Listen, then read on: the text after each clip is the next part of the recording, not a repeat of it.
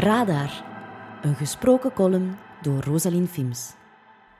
Misschien was het je ontgaan, maar afgelopen jaar was het zwembad van de Rozenbroeken meer dan acht maanden gesloten door herstellingswerken aan de tegels van het bad. Daardoor maakten de Gentse zwemmers, waar ik mezelf ook bij reken, zich niet druk over vaccins en mondmaskers, maar wel over waar ze hun baantjes konden trekken nu het grootste zwembad van Gent voor onbepaalde tijd toe zou gaan. In de maanden die volgden ontwikkelde ik een nomadisch zwemmersbestaan, waarbij ik verschillende zwembaden uittestte. Zo kwam ik tot de conclusie dat er in elk Gent zwembad een andere sfeer hangt, die ook zorgde dat ik op een andere manier ging zwemmen. Zwembad Strop was het eerste dat ik bezocht. Je vindt het midden in de studentenbuurt en de meeste zwemmers waren dan ook studenten, die met een jeugdig enthousiasme baantjes knalden alsof hun leven ervan afhing. Ik was nog niet goed gewend aan het felle licht dat door de grote ramen binnenviel. En om mee te kunnen met de rest overwoog ik om een duikbril met zonneglazen te laten maken. Maar wat ik me nog het meest herinner aan het strop waren de lange wachtrijen. Er was nog geen sprake van een reservatiesysteem, waardoor ik tussen de 18-jarigen stond te wachten om naar binnen te mogen. Het was de eerste keer in mijn leven dat ik heb moeten aanschuiven voor sport. Soms was de rij zo lang dat de laatste moesten terugkeren naar huis zonder dat ze ook maar één teen in het water hadden gestoken. Het voordeel was wel dat je vergat dat zwemmen eigenlijk lastig en saai is.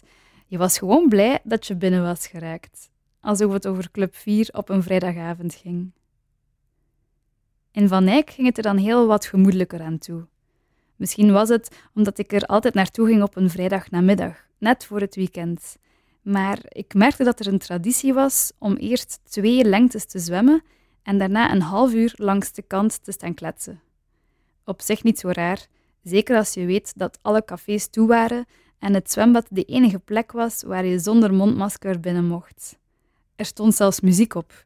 Ik hoorde de golden oldies van Radio Nostalgie tijdens het zwemmen, met telkens een korte onderbreking wanneer ik onder water ging. Van zoveel gezelligheid verliest een mens al eens de moed om alle records te breken.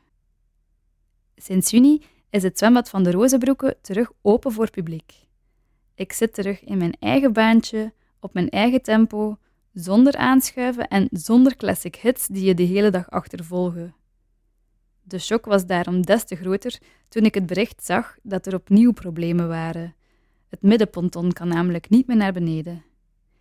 Ik zag mezelf al de hele stad doorkruisen om naar de Rooigem te gaan, of ik beelde me in hoe ik zou infiltreren bij de Guspzwemmers.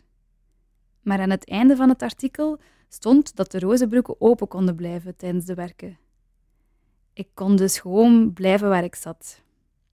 Alleen, toen ik vorige week wou gaan douchen, merkte ik aan de andere kant van het ponton een vrouw die op haar rug lag te dobberen, met haar ogen gericht op het plafond.